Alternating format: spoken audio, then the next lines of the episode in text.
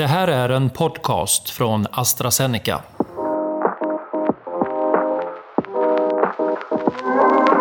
Stenvinkel heter ju du efternamn. Det är ett ganska intressant eh, efternamn. Var, var kommer det ifrån?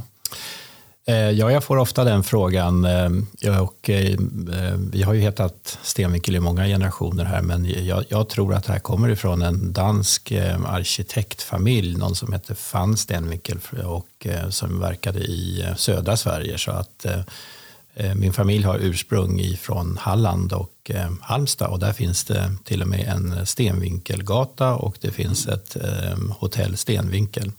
Det, det, finns, eller fanns rättare sagt, en känd eh, målare, grafiker, konstnär som hette eh, Jan Stenvinkel, eller hur? Ja, det var min eh, farbror som inte längre finns med oss, men han verkade på 60, 70 och 80-talet. Precis. Och han tillhörde, läste jag, den här Långaryd-släkten. Det, ja, måste, det gör väl du också då? Det måste jag också göra då. Och, det är ju en eh, extremt stor eh, släkt och jag tror att det här är världens största dokumenterade släkt med eh, fler än 200 000 medlemmar. Och exakt var det har sitt ursprung det vet inte jag men jag tror att det går att härleda tillbaka ända till någon gång på 1600-talet och Småland ifrån Långaryd.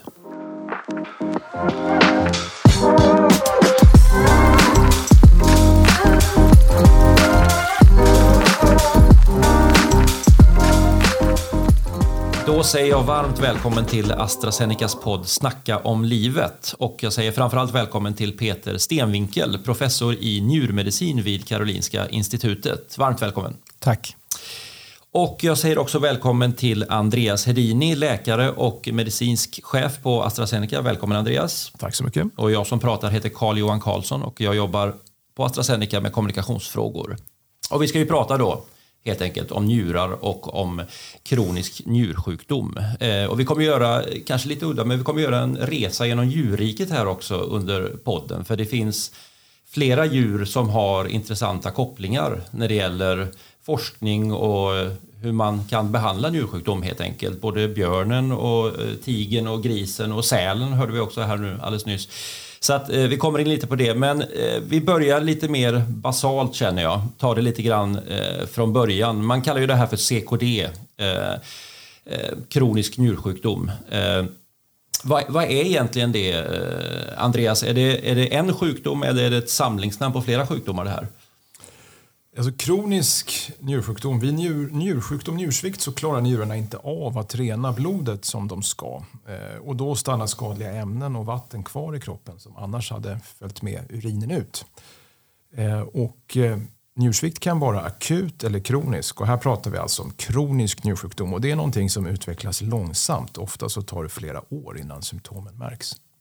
Just det. Och vad är eh, rena då, som vi hörde att du sa, det är ju en av njurens eh, funktioner, eller njurarnas funktioner förstås. Men, men det, det, finns flera funktioner i njurarna, eller hur? Ja, men, men förenklat så kan man säga som så att njurarna är kroppens reningsverk. De renar blodet från ämnen som inte behövs i kroppen. Eh, alltså restprodukter. Eh, och, men i njurarna så bildas urin och, och de här restprodukterna lämnar kroppen då med, med urinet, man kissar ut dem. Men njurarna har ju också, som du säger, många andra viktiga funktioner. De reglerar vattenbalansen, saltbalansen, blodtrycket i kroppen och de producerar också olika hormoner som har en rad funktioner. Till exempel så finns det hormon som stimulerar bildandet av röda blodkroppar just som transporterar syre i blodet och de aktiverar D-vitamin som är viktigt för uppbyggnaden av skelettet. Så att, eh, det är ett väldigt viktigt organ. Mm, ja, det låter så. Peter, hur vanligt är då kronisk njursjukdom? Kan man prata om en folksjukdom? Det kan man absolut göra och kronisk njursvikt är eh, betydligt vanligare än eh, de flesta tror och det gäller även inom professionen att eh, man uppskattar om man tittar på hur vanligt njursvikt det är runt om i olika länder att ungefär 10-12 procent av befolkningen har en nedsatt njurfunktion. Och det här är ju framförallt någonting som man ser hos äldre patienter och kanske patienter med andra sjukdomar, diabetes och hjärt-kärlsjukdom. Och eh, det är en sjukdom som tyvärr ökar i prevalens, det vill säga det blir vanligare och vanligare på vår planet. Och eh, det kommer att ha implikationer för framtiden och man beräknar att år 2040 så kommer kronisk njursvikt att vara en av de fem vanligaste orsakerna till dödsfall i världen. Mm. Jag läste någonstans att om eh, folk som eh, är drabbade av njursjukdom skulle samlas i ett land allihopa så skulle det vara världens tredje största land efter Kina och Indien. Stämmer. Det låter helt otroligt. Ja. Ja. Eh, och man brukar också kalla kronisk njursjukdom ibland för en tyst sjukdom. Va varför gör man det? Det, eh, beror ju på att man eh, har väldigt lindriga eller inga symptom i början. Det här kan ju vara någonting som inte ger symptom förrän i, i slutstadiet. Och eh, det är då patienter som har gått i många år med en, eh, eh, kanske en kronisk njurinflammation som leder till en, en försämrad njurfunktion med tiden och patienten anpassar sig och till slut när eh, det blir en så pass dålig njurfunktion att eh, allvarliga symptom föreligger då, då dyker de här patienterna upp. Vi har ett speciellt namn för dem inom professionen. Vi kallar dem för kraschlandare. Det är alltså eh, patienter som landar på en njurmedicinsk klinik väldigt plötsligt och är väldigt svårt sjuka vi, vi, har ju alltid önskat att få se de här patienterna i ett betydligt tidigare stadium så att vi kan försöka rätta till de här rubbningarna i saltbalans, vätskebalans och hormoner som eh, Andreas berättade om uppstår vid njursvikt. Mm. Och hur mycket kan njurfunktionen försämras utan att den drabbade märker det? Hur långt kan det gå utan att det finns några symptom? Ja, det, det finns patienter som har bara 10 procent kvar av sin njurfunktion och eh, som eh, dyker upp som en kraschlandare på klinikerna. Och eh, då är det ju bråttom och eh, rätta till allt det här och planera för aktiv uremivård, det vill säga att mm, man, patienten behöver dialys eller transplanteras. Och vi ska prata lite om det, vad man kan göra för att undvika det här scenariot. För det är ju inte önskvärt förstås att patienter kommer in i ett sånt sent stadie. Men när det har gått så här långt eh, och när patienten börjar få symptom, vad, vad är symptomen? Hur drabbas patienten rent konkret? Ehm, ja, symptomen är som sagt väldigt vaga. Det är man, trötthet och det kan ju vi alla känna lite av och till. Men det här är alltså ingen vanlig måndagströtthet som vi andra plågas utav utan det är en mera uttalad eh, trötthet som blir svårt att klara av fysiskt tunga arbeten. Ofta brukar blodtrycket vara förhöjt och det kan ju leda till huvudvärk, patienterna, illamående. När slutstadierna kommer så blir patienten mer påverkad, tappar muskulatur, eh, mår illa, kräks, klåda. Och, eh, så att det är en samling av vad vi kallar uremiska symptom som då uremi betyder att man har eh, urin i blodet om man översätter det. Och det är det som händer när de här toxiska substanserna inte renas utan stannar i blodet och det påverkar kroppens alla organsystem. Mm. Och när det har gått väldigt långt så kan man behöva dialys och till och med kanske en ny eh, njure. Eh, för de som inte vet det, vad, vad innebär dialys? Eh, hur, hur, går det till och vad innebär det för den som behöver genomgå det? Så att dialysbehandling är ett väldigt stort ingrepp i en eh, människas liv för att det krävs att det genomförs eh, regelbundet. Och vi har två typer av dialysbehandling. Bloddialys då man renar blodet oftast tre gånger i veckan upp till ja, fem, sex timmar per gång.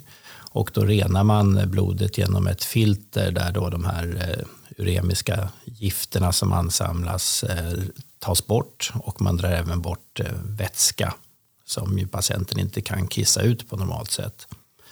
Den andra typen av dialys kallas påsdialys och då använder man bukens, eh, en bukhinnan som ju eh, är som ett filter egentligen och då kan man eh, stoppa in, låta en sockerhaltig vätska flöda in i bukhålan och sen får den ligga där i ett antal timmar och då sker dialysen där och sen eh, tappar man ur vätskan efter eh, cirka sex timmar och då är den full av de här gifterna och eh, även extra vatten och eh, då blir det en typ av dialys som är, är mera kontinuerlig och mera skonsam än bloddialys där det krävs ganska stora förändringar på kort tid.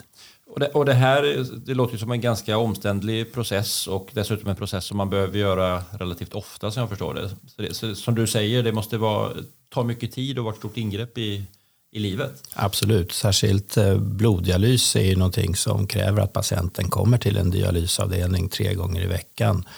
Och ska man som dialyspatient planera för semestrar, till exempel att resa till andra orter, så måste man ju i god tid hitta dialysplats på semestermålet. Man kan få mer frihet med påsdialys för den sköter man eh, helt själv. Och då kan man lättare planera sin eh, vardag med, eh, med hjälp av denna dialys. Mm. Och om det har gått ännu längre så kan man helt enkelt behöva en ny njure. Eh, hur, hur, går det till? Hur ser, hur ser den processen ut i Sverige? Så att det bästa alternativet är ju om man kan eh, transplantera en ny njure innan patienten startar i eh, dialys. Så att eh, när patientens njurfunktion börjar närma sig kanske 10% av normal så ska man planera för transplantation. Och där har vi ju två typer av transplantation. Transplantation med njure från en levande givare. och Det kan ju vara en, eh, en släkting eller vän så kan man i princip om det passar ihop bra eh, göra det på kontorstid och eh, när eh, det, det, passar njurfunktion och eh, med eh, ja, patientens och donatorns eh, arbetsschema och så vidare.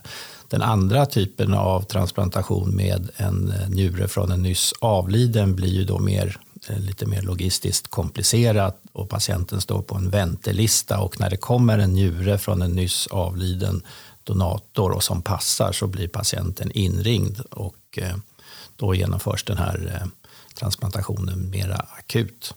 Just det. Men allt det här förstås är ju bra. Man kan undvika både njurtransplantation och eh, dialys. Så att Andreas, jag tänkte fråga dig, vad, vad kan man göra för att upptäcka kronisk njursjukdom tidigare, då helst innan symptom uppstår? Mm, jag, jag, tycker att det är viktigt då att fundera lite grann kring riskfaktorerna. Vilka är det som drabbas? Och precis som Peter sa så är det här det är patienter som har till exempel diabetes, hjärt-kärlsjukdom, fetma, högt blodtryck. Alltså olika typer av kärlsjukdom. Eh, det är äldre patienter och det, är ju, det här är det man med ett samlingsnamn kallar för metabola syndromet. Och de här patienterna under den tid de börjar utveckla eh, njursvikt så eh, är de inte så jättesjuka. Men eh, de rör sig kanske har kontakt med primärvården, eh, vårdcentraler. Så där mycket tycker jag handlar om att förbättra diagnostik och handläggning där. Att man, att man kan fånga upp de här patienterna och titta på riskfaktorer och då göra riktade undersökningar för att hitta det här så tidigt som möjligt. Mm.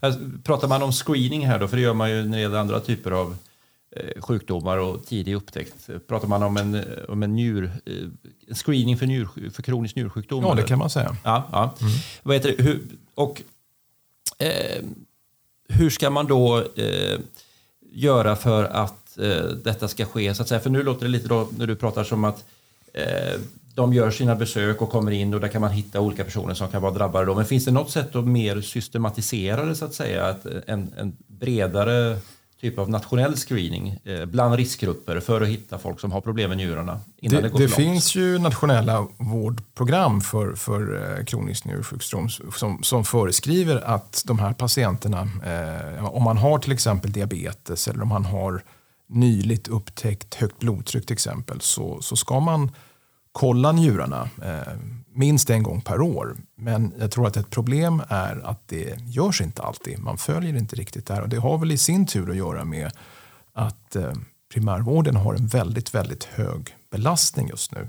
Eh, och det är svårt att få det här att ske. Jag vet inte vad du säger Peter om Jo, du har alldeles rätt Andreas att det är att riskgrupper tror jag på många håll att man är väldigt bra på att eh, screena. Framförallt eh, vet vi att eh, diabetiker nu får en betydligt mycket bättre förebyggande vård än man fick bara när jag började inom det här gebitet. Och numera så är det ju väldigt skönt att se att det är relativt ovanligt att patienter med typ 1 diabetes hamnar i allvarlig njursvikt just på grund av att man har blivit så bra på att screena och förebygga njursjukdom hos den patientgruppen. Just det. Så det sker screening men det kanske skulle behövas ske i ännu större utsträckning och, och, och bredare så att säga. Vad, vad behövs göras i, eh, i samhället om jag riktar mig till dig Andreas? Alltså, eh, vilka instanser i samhället behöver agera och vad finns det för initiativ att ta för att eh, det ska ske en mer nationell systematiserad screening för kronisk njursjukdom? Ja, jag, jag tror att man behöver riktade åtgärder i primärvården. Eh, och egentligen, det, orsakerna på nytt, det har ju att göra med att många sjukdomar idag eh, är ju mer komplicerade. Alltså för, för 40 år sedan var eh, ja, diabetes det var en sjukdom. Kronisk obstruktiv lungsjukdom var en sjukdom. Nu så finns det ju undergrupper av varje sjukdom vilket betyder att handläggningen blir allt mer komplicerad. Dessutom så lever ju vi allt längre och kommer då vara i behov av en, en kontinuerlig vård under en längre tid. Eh, och allt det här innebär att trycket på primärvården blir väldigt stort. Så att jag tror att man behöver riktade åtgärder för att stärka upp i primärvården och man behöver också ha ett tätt samarbete mellan primärvård och de specialistkliniker som ju har då spetskompetens eh, för att behandla olika typer av sjukdomar och i det här fallet njursjukdom. Då. Mm. Och det är klart att eh, det är bra om man screenar så man upptäcker det tidigt för då, då går det att behandla på ett bättre sätt antar jag. Eller hur ser det ut där Peter? Absolut och eh, vi njurdoktorer har då fått eh, många fler effektiva verktyg i vår verktygslåda för att kunna behandla de här patienterna. Och vi har ju sedan många år haft tillgång till effektiv eh, blodtryckssänkande behandling. Då. Eh, två typer av läkemedel som vi vet skyddar njurarna är ju så kallade ACE-hämmare och angiotensinreceptorblockerare. Men nu har det då senaste åren skett eh, väldigt eh, mycket vi har fått mycket ny kunskap om andra behandlingsmöjligheter som vi vet eh, skyddar njurarna på ett utmärkt sätt. Både om det beror på diabetes och andra njursjukdomar. Och det här är väldigt glädjande för oss att vi nu har en, fler verktyg att kunna bromsa försämringen av njurfunktion hos de här patienterna. Så att det är väldigt goda nyheter för, för njursjuka patienter. Mm, det går framåt på den fronten? det enkelt. går framåt. Och om man skulle ta ännu ett steg tidigare, för det allra bästa vore ju om ingen fick sjukdomen från början så att säga. Eh, och vad, vad, kan man göra när det gäller eh, förebyggande? Alltså vad, hur mycket påverkar människans eh, livsstil och livsval risken att få kronisk njursjukdom? Ja, eftersom vi vet att diabetes är en av de vanligaste orsakerna till njursjukdom så är allting som skyddar en mot diabetes någonting som indirekt också kommer att minska risken för eh, njursjukdom. Och det är ju då eh, fysisk aktivitet, att man eh, har en hälsosam diet. Det finns mycket nya data som talar för att för mycket rött kött kan öka risken för njursjukdom. Så att det är allmänna hälsoråd och att man undviker övervikt det är ju en annan riskfaktor för njursjukdom. Så att det är de råden man, som vi ger till alla i hela befolkningen som, som gäller även för att skydda oss mot njursjukdom. Och ät mindre salt tyckte jag mig se dig säga någonstans. Ja, ät mindre salt är någonting annat. Vi vet att njursjuka patienter och diabetiker de har en ökad känslighet för salt. Så att när de flesta av oss äter mycket salt eh, till exempel saltsill under en midsommarlunch så kommer vi sen att kissa ut där och inte märka så mycket av det. Men njursjuk, vid njursjukdom och diabetes så sam, ansamlas salt i kroppen mycket lättare. Njurarna har svårighet att göra sig av med salt och den här ökade saltmängden leder till att blodvolymen ökar, att det blir eh, ökad risk för högt blodtryck och övervätskning, det vill säga för mycket vatten i kroppen. Så att eh, för njursjuka, äldre och diabetiker så är det viktigt att vara eh, försiktig med för mycket salt. Och mycket salt finns väl eh, framförallt i produkter som eh, så att säga är framställda i eh, färdigmat och så vidare, icke naturliga produkter så att säga. Alltså, ska man undvika sånt då, till exempel eh, ja, färdig fryst mat och, och, den här typen av liksom halvfabrikat, är det, en, är det en bov i dramat? Det är det absolut. Så att livsmedelsindustrin vill ju gärna tillsätta salt i maten eh, för att det eh, ökar, eh, förbättrar smaken och hållbarheten. Och många av våra färdigproducerade livsmedelsprodukter innehåller alldeles för mycket salt. Och vi, vi vet att svensken i snitt äter kanske tre, fyra gånger så mycket salt som, som skulle behövas. Men ska man då genomföra en, en strikt eh, diet med eh, lite salt så krävs det nog att man ser till att laga maten själv från grunden och det är ju få som hinner och orkar idag utan det är ju mycket färdigprodukter som, som eh, vi använder oss av för, för vår föda. Mm.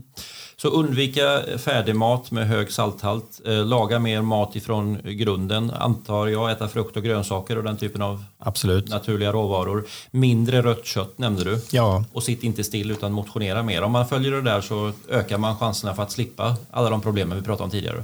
Ja, eh, framförallt om eh, den njursjukdom som är relaterad till eh, diabetes. Det, där, det vet vi att det där är ju eh, väl dokumenterade skyddsåtgärder. Sen finns det ju andra njursjukdomar som inte beror på diabetes och då kanske de här råden är mindre eh, relevanta för att skydda mot njursjukdomen. Så att, som Andreas sa, kronisk njursvikt är ju ett, ett spektrum av många olika sjukdomar som ingår i det samlingsnamnet. Just det. Var någonstans i världen har man eh, lägst förekomst av, av njursjukdom? Där det finns bra data så att säga. Man vet var i världen det finns mycket njursjukdom och det här bygger lite grann på hur, hur man i olika länder för data och olika register så att det, det, kan vara svårt att säga. Men vi vet att vissa länder har ju en betydligt ökad risk för njursvikt och paradexemplet har ju alltid varit Taiwan. Mm, varför det? Och man tror att det beror på att det varit väldigt mycket försäljning av olika örtmediciner där som kan ha njurgiftiga effekter. Eh, och det är någonting man försöker att eh, hantera nu för att man har upptäckt att det leder till så njursvikt så pass ofta. Men sen har vi också länder som till exempel USA där vi har ju en väldigt eh, hög risk för fetma och typ 2-diabetes, att de har väldigt mycket njursvikt. Men det, jag kan inte säga att det finns något land som har osedvanligt lite njursvikt och det, det kan i sådana fall bero på att man inte registrerar det här på ett eh, riktigt sätt. Och Det är intressant det här med kosthållning och, och livsstil och sådär. Jag vet att det finns ett eh, intressant exempel i Glasgow där mm. man tydligen har gjort en undersökning där man verkligen kan se väldigt tydligt, tydligt liksom skillnaden på Eh, på, på livsstil och hur det kan påverka ens hälsa. Kan du berätta lite om den undersökningen? Jag tror du har eh, pratat om den i medierna tidigare också. Eh, ja, Glasgow är ju en intressant stad och det är många av de här engelska städerna där man har väldigt stora skillnad i socioekonomiska förhållanden mellan olika förorter. Och I Glasgow så är det så extremt tydligt att det finns en förort där som heter Lency där mannen i snitt blir 82 år gammal. Och det är förstås då en förort med eh, goda socioekonomiska möjligheter och hälsosam livsstil. 14 eh, kilometer därifrån så ligger en förort som heter Carlton och där mannen i snitt blir bara 54 år gammal. Så det är en skillnad i medellivslängd för män på 28 år bara 14 kilometer ifrån varandra. Det här är ju en, en väldigt unik, det är otroligt. Ja, det är otroligt. det är en unik möjlighet att studera riskfaktorer varför de här Eh, männen i den fattiga förorten dör så mycket tidigare och det är ju en mängd olika orsaker förstås. Men när vi tittar på den där eh, data så är det ju uppenbart att ätvanor har en, en, verkar ha en väldigt stor roll och att männen i den här fattiga förorten äter mycket mer processat rött kött i till exempel eh, eh, ja, snabbmat och att de äter lite grönsaker, lite frukt, de är mer inflammerade. Man ser att deras tarmflora är påtagligt förändrad. Så att det finns många orsaker som man skulle kunna angripa genom att eh, förbättra deras levnadsvanor. Mm, jag förstår. Eh, någon som inte äter mycket färdigmat men däremot äter mycket naturlig mat är ju björnen. Ja. ja, och björnen är ju faktiskt relevant i det här sammanhanget för att eh, eh, den är väldigt intressant. Björnar går ju som bekant i ide från hösten till våren. De är väl ungefär ett halvår i, i dvala. Eh, och då är, kissar de ju inte, de bajsar inte, de äter inte och de rör förstås inte på sig alls. Eh, och om en människa skulle eh, ge sig på detta så skulle det inte sluta speciellt lyckligt, eller hur? Nej, skulle vi, eh, du och jag, lägga oss i sängen under eh, perioder tre, fyra, fem, sex månader så skulle vi bli sjuka. Vi skulle bli bensköra, vi skulle tappa muskler, vi skulle få liggsår, vi skulle kanske drabbas av proppar. Eh, som ju är, det här är stora problem hos patienter som spenderar mycket tid i sängen. Och, eh, men, eh, och det är ju uppenbart att eh, björnen, trots de, alla de här riskfaktorerna, de har utvecklat geniala mekanismer för att skydda sig, att inte drabbas av de här komplikationerna när man lägger sig ner och stannar i sängen under 4, 5, 6 månader. Och det här kan alltså vara användbart då, alltså hur björnen hantera detta. Detta är användbart eh, i forskningen kring behandling av njursjukdomar, eller hur? Ja, många av våra eh, vällevnadssjukdomar eh, som övervikt, diabetes, hjärt-kärlsjukdomar och njursvikt kan vi då lära oss ifrån björnarna och hur de har utvecklat mekanismer för att skydda sig mot de här komplikationerna under den här känsliga perioden när de går går det eller hibernerar som vi säger. Och du forskar ju på precis det här på björnar. Du har ett samarbete med, med veterinärer. Och kan du berätta lite om det, om det här projektet och vad, vad det leder till så att säga, eller vad är det ni försöker ta reda på? Eh, jag har eh, samarbetat då med framförallt eh, Ole Fröbert som är kardiolog i Örebro och leder det här skandinaviska björnprojektet tillsammans med veterinärer och ekologer och viltvårdare och där man då får möjlighet att få prover ifrån vilda björnar eh, under sommaren där de är aktiva och sen så tar man nya prover under vinterdvalan och då får man möjlighet att eh, jämföra prover och eh, se vad som förändras och med ledning av detta kunna fundera ut skyddsmekanismer som björnarna har utvecklat. Och vad har det här projektet gett er för kunskap än så länge? Har ni, har ni så att säga listat ut hemli björnens hemlighet? Vi har inte listat ut björnens hemlighet men vi är, eh, tycker jag, flera spännande spår som eh, vi har. Och eh, det som jag och min grupp nu mest jobbar med är ju att se varför björnarna kan skydda sig mot benskörhet.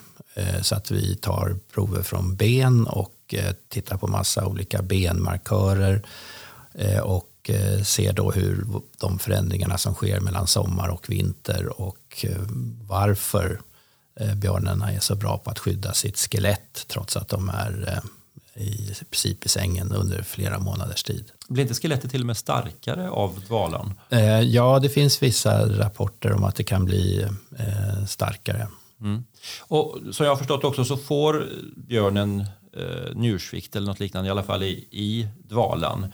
Men när den vaknar upp i dvalan så löser det där sig av sig själv på något sätt? Det, det läker eller vad är det som händer? Ja, så att eh, de dricker ju ingenting under eh, eh, den här hiberneringsperioden och de producerar väldigt lite urin. Det kanske är någon 100 milliliter eller någonting och det flest, mesta av urinen finns kvar i deras urinblåsa och de, så i princip kissar de ingenting under hela den här perioden. Och det de lever på är ju deras fettdepåer där det kommer då eh, vatten och näring som de använder under den här eh, perioden. Och under den här tiden så är i princip njurfunktionen helt eh, eh på vila. Den, den, det händer ingenting i njurfunktionen. Men sen när de vaknar upp eh, på våren, mars, april, då, så efter några dagar så kommer njurarna igång igen och de lever som vanligt. Ja, just det. Så den, den tar liksom paus, njuren, under ID och sen så... Ja, njuren vilar där under några månader och eh, återkommer. Just det. Eh, vad heter det, men, och vi pratade om kosthållning förut. Då. Eh, björnarna äter ju mycket bär. Mm. Eh, kan det ligga några intressanta svar i deras kosthållning? Absolut. Det, björnarna har ju en väldigt eh, unik mathållning kan man ju säga. I alla fall under sensommaren och hösten då de eh, får i sig enorma mängder bär. Och det är ju för att bygga upp sina energidepåer och fettdepåer inför den här långa hiberneringen. Men sen vet vi att bär innehåller ju väldigt många nyttiga substanser och det har man ju även sett vid studier på människa att eh, blåbär är någonting som kan minska den metabola risken för eh, patienter, sänka kolesterolnivåer och eh, förbättra insulinkänslighet och ha allmänt gynnsamma effekter. Det har man sett i randomiserade studier även på människa. Så jag tror att bären är en nyckel. Och sen så tror jag också att en annan nyckel är då förändringar i deras tarmflora mellan sommar och vinter kan vara en nyckel till varför de är så skyddade under den här känsliga hiberneringsperioden. Mm. Vad säger du Andreas, visst är det fascinerande det här? Jag tycker det är oerhört fascinerande och det, det, det sker ju mycket eh, Eh, på forskningsfronten som öppnar upp för nya möjligheter att både förebygga och behandla de här sjukdomarna eh, framöver. Och jag tänkte vi, vi reser vidare lite grann i djurriket för det finns andra djur som också är intressanta att titta på när man, eh, som du jobbar med att eh, forska kring, kring njurar och eh, behandling av njursjukdom. Eh, tigern är ett annat djur, eller egentligen alla kattdjur. Eh, och där är lite, de är lite tvärtom mot björnen, eller hur? Att de har ofta problem med, med njurarna och, tigrar och katter som dör av naturliga orsaker så att säga på ålderns höst. Det är ofta njuren som är, som är orsaken då. Ja, alldeles riktigt. Så att eh, till skillnad då från björnen som verkar skyddad så är då eh, kattdjur, eh, de har en ökad känslighet för eh, att drabbas av njursjukdom och det, det känner ju de flesta kattägare till att när katten blir äldre så är det oftast njurarna som, som eh, gör att de inte överlever. Och eh, det är den vanligaste orsaken till eh, dödsfall hos äldre katter, eh, njursvikt. Men det här är ju någonting som inte bara drabbar våra, våra katter i hemmen utan även de stora kattdjuren har enligt då veterinärer och zoologer en, en påtagligt ökad risk att drabbas av, av kronisk njursvikt och det är det som lejon och tigrar och andra kattdjur oftast dör av under solbetingelser.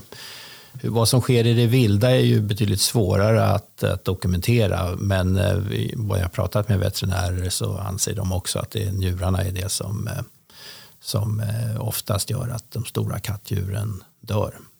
Och vad beror det här på? Har det också med kosthållningen att göra? Ja, man vill ju gärna tro det eftersom de är så extrema köttätare så skulle ju det kunna vara någonting som ökar belastningen på njurarna. Och, och, tar man, och rött kött då antar jag? Ja, rött kött. Och, och eh, tar man prover på tigrar eh, och jämför med människor så ser man ju att en, en, en, på en vanlig tiger när man tar prover så ser man ju då att de har ju en njursvikt, de har höga fosfatvärden och de skulle det jämföras med en människa så skulle det klassas som en, en, en njursvikt. Eh, och det finns till och med ett fall, en tiger på ett zoo i USA som man försökte behandla med påsdialys under en vecka men det blev för det blev för krångligt. Det var svårt för personalen att sköta de här påsbytena.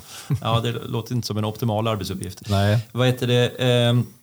Och hur är det med vatten? Dricker de tillräckligt med vatten, kattdjuren? Nej, de, har nog, de är inte riktigt så bra på att dricka vatten som man nog skulle vilja. Det kan också vara en bidragande faktor. Mm. Men är inte det här lite märkligt? För att de lever ju så att säga i en naturlig miljö. Mm. Eh, och eh, att vi människor så att säga äter massa eh, konstig skräpmat som vi inte borde äta, det är ju en sak. Men en tiger som lever i i, i djungeln så att säga eh, borde ju inte äta saker som den tar skada av. Nej, men ja, det är en, en bra fråga och varför det är på det här sättet. Men det, det är väl så att tigrarna ändå har hunnit reproducera sig innan de dör av njursvikt och att eh, den här överlevnadstrycket därför eh, under evolutionen inte har, har eh, berott så mycket på det här att de drabbas av njursvikt när de blir äldre. Ja, just det. Så vi kan lära av björnen och vi kan även lära av tigern fast på ett, på ett annat sätt. Då. Det är mer ett avskräckande exempel mm. kanske. Eh, vi, vi, vi, går vidare eh, till ytterligare ett djur. Eh, eh, vi pratade lite tidigare innan vi körde igång här om, om sälar. Där finns också intressanta aspekter att titta på i det här.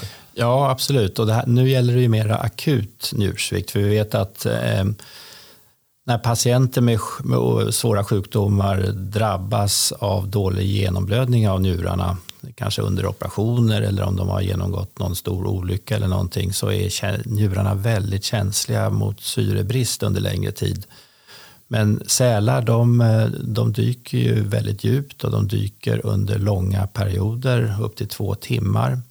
Och eh, under den här dykperioden då så är de ju väldigt beroende av syretillförsel till hjärnan så de stänger ju av då i princip blodflödet till njurarna under den här perioden. Eh, men trots den här långa perioden med syrebrist i njurarna så får de alltså inga tecken till njurpåverkan vilket ju är väldigt fascinerande om man skulle jämföra med en människa. Mm. Eh, och vi ska inte gå igenom alla djur som finns men, men eh, grisar också har en helt annan typ av koppling till eh, behandling av njursjukdomar för det har gjorts försök i alla fall som jag förstår det att helt enkelt transplantera eh, njurar från gris till människa. Men det, man har inte kommit så långt att eh, det finns någon nu som har en grisnjure i sig, eller hur? Nej, det, man har alltså inte transplanterat någon grisnjure till människa än. Jag tror det finns ett fall med, med grishjärta till människa som var, gjordes i USA för ett tag sedan. Men att när det gäller grisnjurar så är det fortfarande på försöksstadiet. Och det skulle ju förstås vara en fantastisk möjlighet om det här skulle gå att genomföra eftersom vi har en brist på på eh, organ för njursjuka patienter. Och eh, skulle man kunna hitta en, eh, en möjlighet att använda grisnjurar utan risk så skulle det vara en fantastisk möjlighet. Men det går inte nu. Nej. Och den här bristen på organ som du pratar om, hur, hur stort problem är det? Finns det, eh, finns det risker för eh, njurturism och den typen av eh, handel med organ och så på det här området också? Ja, en sån risk finns absolut. Och, eh, som jag sa tidigare så har vi ju eh, två typer av njurtransplantation. När man har en levande givare så är det ju absolut bästa eh, möjligheten att, att göra en transplantation. Men det är en brist på organ och därför så är det ju en väntelista för de som behöver njure från en nyss avliden donator. Och där har det ju tyvärr funnits då, eh, möjligheter i vissa länder att Eh, köpa eh, njure från eh, ja, mestadels fattiga donatorer som behöver den här pengarna och då låter någon operera ut njuren och så får man betala för det. Det här är någonting som vi ser som väldigt förkastligt och mm. inte vill stödja i mm. Sverige. Och du som har jobbat väldigt länge med det här och, och, träffat många patienter, har du stött på patienter i ditt yrkesliv som har en njure som man har köpt utomlands helt enkelt? Jag har ett fall där jag misstänker att det har gått till på det sättet. Ja, Okej, okay. jag, förstår, jag förstår. Och när du säger att man kan operera ut njuren och så vidare, man har ju två njurar och som jag förstår det så eh, finns det en överkapacitet i dem, eh, nästan dubbel kapacitet mot vad vi behöver. Alltså, kan man säga att vi har nästan en i reserv så att säga? Eller? Ja, det är, njuren är ju ett parigt organ eh, så att eh, vi klarar oss bra med en njure och det händer ju inte så sällan att man måste operera bort en njure på grund av till exempel en cancersjukdom eller någonting annat och då överlever man ju bra med en njure och eh, vi ser ju också att de som donerar sin ena njure inför en transplantation de, de mår utmärkt och klarar sig väldigt eh, väl med en njure. Men man måste ju då ha eh, dem på kontroller och se till att det inte utvecklas högt blodtryck till exempel. Men det, är, det fungerar utmärkt. Mm. Vi ska eh, byta lite ämne inom ämnet så att säga. Eh, Andreas, jag tänkte fråga dig först, för det finns ju en eh, koppling här till global uppvärmning och rent generellt när det gäller eh, sjukdomar och hur de breder ut sig. Eh, man har ju hört mycket om att det orsakar eh, svält och torka och alla möjliga naturkatastrofer och problem med den globala uppvärmningen och klimatförändringarna. Men det har också en inverkan på folks eh, direkta hälsa, hur sjuka folk blir, eller hur? Absolut, det har det. Det är ett väldigt stort eh, problem och det har ju många aspekter. Dels är ju höga temperaturer i sig eh, skadligt så att säga och framförallt för äldre och sköra eh, personer. Det finns ju också en särskild koppling till njursjukdom. Eh, mm. Och även den har väl flera orsaker. En är ju värmen eh, och liksom att man blir uttorkad och får en påverkan på, på vätskebalansen. Eh, men det är också så att klimatförändringarna medför förändringar till exempel vad gäller smittsamma sjukdomar. Och eh, en väldigt vanlig orsak till eh, njurskada om man ser globalt det är malaria till exempel. Som kan, som kan ge akut njursvikt men även kronisk njursvikt om man har upprepade malariainfektioner. Och det är ju en, en infektion som sprids med myggor. Mm. Eh, och när förhållandena ändrar sig, det blir varmare och sådär, då ändras ju också eh, utbredningen av, av insekter och det, det får effekter, eh, helt klart. Just det. Peter, vad finns det för forskning eller finns det några exempel på det här man har sett att eh, graden av njursjukdom har ökat då, troligtvis beroende på klimatförändringarna? Eh, ja, absolut. Och, och, eh, vi blev förfärade när vi i höstas läste en, en eh, stor studie som urspringer från Brasilien där man ser att det fanns väldigt starka samband mellan värmeböljor i Brasilien och risken att drabbas av kronisk njursjukdom. Och eh, så är det säkerligen på många håll här i världen och det finns ju också epidemier av kronisk njursvikt i varma länder, framförallt i Centralamerika där då oftast yngre män som arbetar långa dagar på sockerrörsplantager under väldigt varma förhållanden drabbas av eh, kronisk njursvikt som eh, är så pass allvarlig att eh, de behöver dialys och ibland kan de inte få det i de länderna så att de dör. Och det kan vara många orsaker till att de får njursvikt men jag tror nog att värmen är en bidragande faktor. Långa heta dagar på sockerrörsfälten. Mm. Du, du, nämnde tidigare att eh, kronisk njursjukdom spås vara den femte vanligaste dödsorsaken i världen år 2040. Är det här då en av de bidragande orsakerna till att det kan bli så att klimatförändringarna eh, fortgår och eh, ökar eh, antalet njursjuka i världen? Ja, det finns de som anser att ungefär en fjärdedel av alla njursjukdomar i världen idag beror direkt eller indirekt på miljöförändringar. Och det är inte bara Eh, uppvärmning utan det är också luftföroreningar och eh, där har man då kalkylerat att eh, luftföroreningarna leder till mer än tre miljoner nya fall av njursvikt varje år på vår planet. Och man har också sett starka samband mellan luftföroreningar och risken av att eh, transplanterade njurar fungerar eh, sämre. Så att, eh, och det här, jag, jag berättar ju om alla nya verktyg som vi njurmedicinare har fått tillgång till för att bromsa Eh, försämring av njursvikt. Men samtidigt som vi ser har de förbättringarna så ser vi de här oroväckande signalerna att klimatförändringar kommer att öka risken för njursvikt betydligt framöver. Man får ju ändå känslan lite av att ni jobbar i väldigt motvind. Alltså det är klimatförändringarna som ökar Eh, antalet njursjuka, det är luftföroreningar, det är eh, kosthållning, folk äter, folk äter sämre, eh, fetma och högt saltintag och, och färdigmat. det här är ju saker som, så att säga, många saker som går åt fel håll. Mm. och framförallt då, kring det vi pratar om nu. Absolut, så att, och det här är ju någonting som jag tror vi doktorer, vi, vi pratar ju med, oftast i alla fall med våra patienter om deras kosthållning och vid njursjukdom är det extremt viktigt att de får information om kosthållning men patienter bör allmänt även informeras om hur deras eh, levnadsvanor påverkar miljön så att det börjar sprida sig en medvetenhet om att alla kan ändå göra någonting för att eh, jag brukar säga det på mina föreläsningar att eh, the power is on your plate man, makten finns på tallriken och det vet mm. vi att det gäller i vår hälsa men det är också eh, någonting som kommer att gälla miljön, att vi måste radikalt förändra våra matvanor. Just det. Men om man ska vara, eh, om man är lite på den positiva sidan då, du pratar om att ni har verktyg ändå för att behandla, kan du utveckla det lite mer? Alltså hur, hur möter ni de här utmaningarna?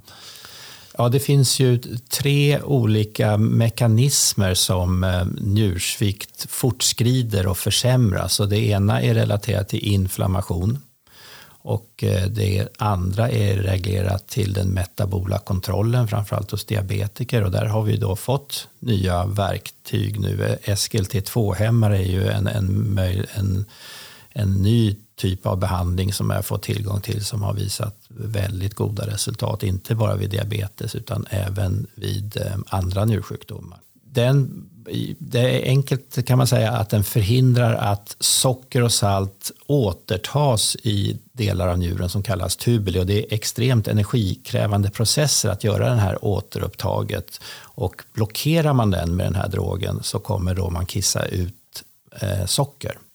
Och det här leder då till att eh, syrens, eller njurens syrgasbehov eh, kommer att minska.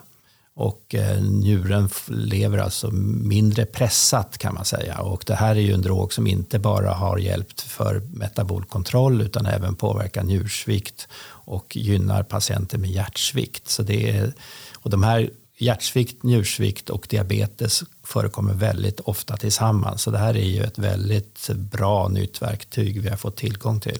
Mm.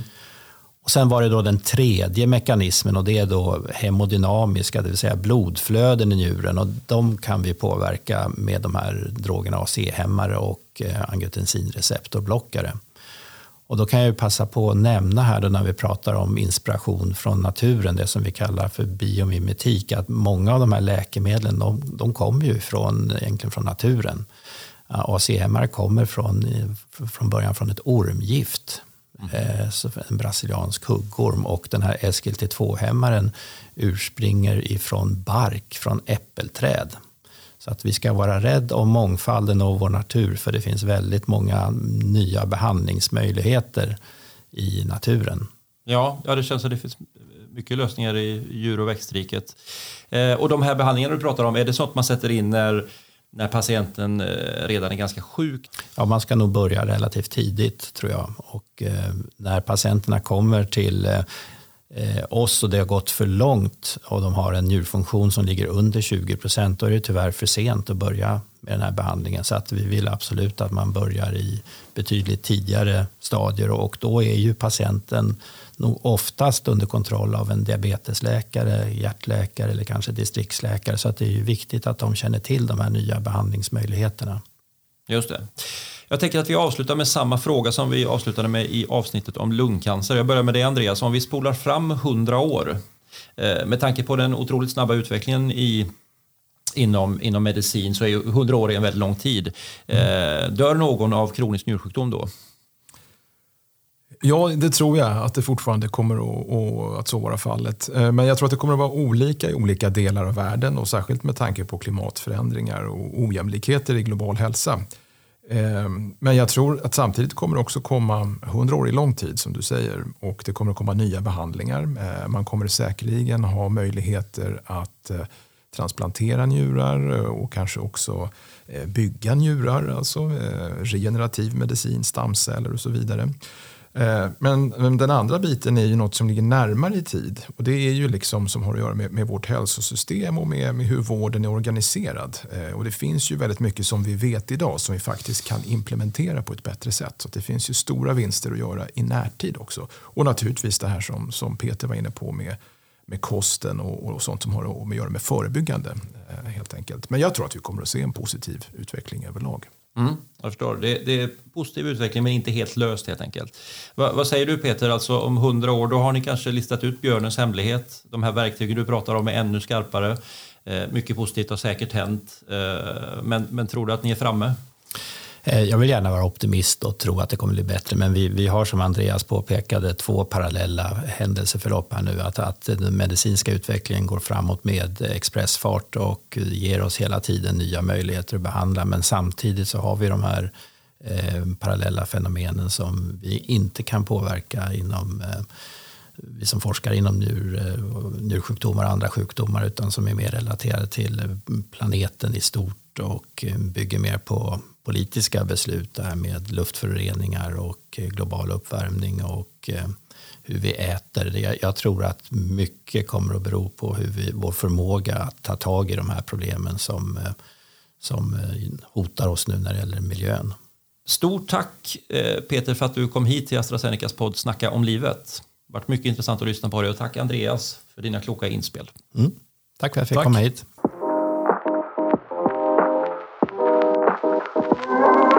Ja, Andreas, vad säger du om det där? Det fanns ju många intressanta delar där. Det jag tänkte på lite grann eh, var ju det här med tigen. Eh, alltså att den eh, lever i, naturen och ändå drabbas den av njurproblem. Eh, där var ju Peter väldigt tydlig att ja, men då har den fortplantat sig redan så det spelar ingen roll. Man kanske har lite, lite märklig syn på det här med naturen och det naturliga ibland. Ja, ja, jag tyckte faktiskt att din fråga där gav uttryck för en ganska vanlig uppfattning eller, eller missuppfattning kan man till och med säga kring det här med att naturen skulle ha någon slags inneboende godhet. Att det är någonting som många säger det att ja, jag, jag vill inte Eh, äta läkemedel eller jag vill inte göra det för det är onaturligt. Men det som är naturligt är för mig gynnsamt och det är en sanning med modifikation. För man skulle ju till och med kunna säga om man tittar i naturen till exempel på, på vilda djur som får ungar så överlever kanske hälften av ungarna i vissa fall, ibland ännu färre. Att naturen är ju ganska neutral och, och just det här med att man kan reproducera sig är ju ett centralt begrepp. Så att så länge tigrarna kan göra det, om de sen får njursvikt på äldre dagar så ja, då... Det spelar liksom ingen roll för Det spelar nog mindre roll, precis. Precis, för att eh, naturen är ju eh, ganska brutal ibland om man ska vara ärlig och eh, kanske inte alltid rimmar med liksom människans eh, krav på livet och vad det ska innebära. Nej, det tror jag, det tror jag är riktigt och jag tror det är viktigt att förstå att det, det, är, på, det är på det sättet det är. Ja, men precis. precis. Mm. För att vi, människan skulle ju aldrig säga att nu spelar det ingen roll för jag får njursvikt för jag har ju redan fått barn. Den, den, eh, nej. nej den, den åsikten kanske man inte skulle, eh, skulle ha. Men, men i naturen då, som Peter säger, för tigrarna så är det viktigt att de fortplantar sig. Eh, och att de sen får njursvikt för att de har en dålig kosthållning, det är ingenting som naturen så att säga avser att eh, att fixa. Nej, inte eftersom det ju inträffar sent i livet. Om de fick njursvikt när de var unga. Eh, så att det, att det påverkade deras förmåga att, att uh, reproducera sig. Då hade vuxna. evolutionen löst det. Då hade evolutionen löst det. Men, men någonting måste man ju dö av också. Ja, precis. Vi får hoppas att vi i alla fall har bidragit lite grann till att eh, lyfta kunskapen och vetskapen om det här eh, med det här programmet. Och eh, med det så säger vi eh, tack för oss för denna gång.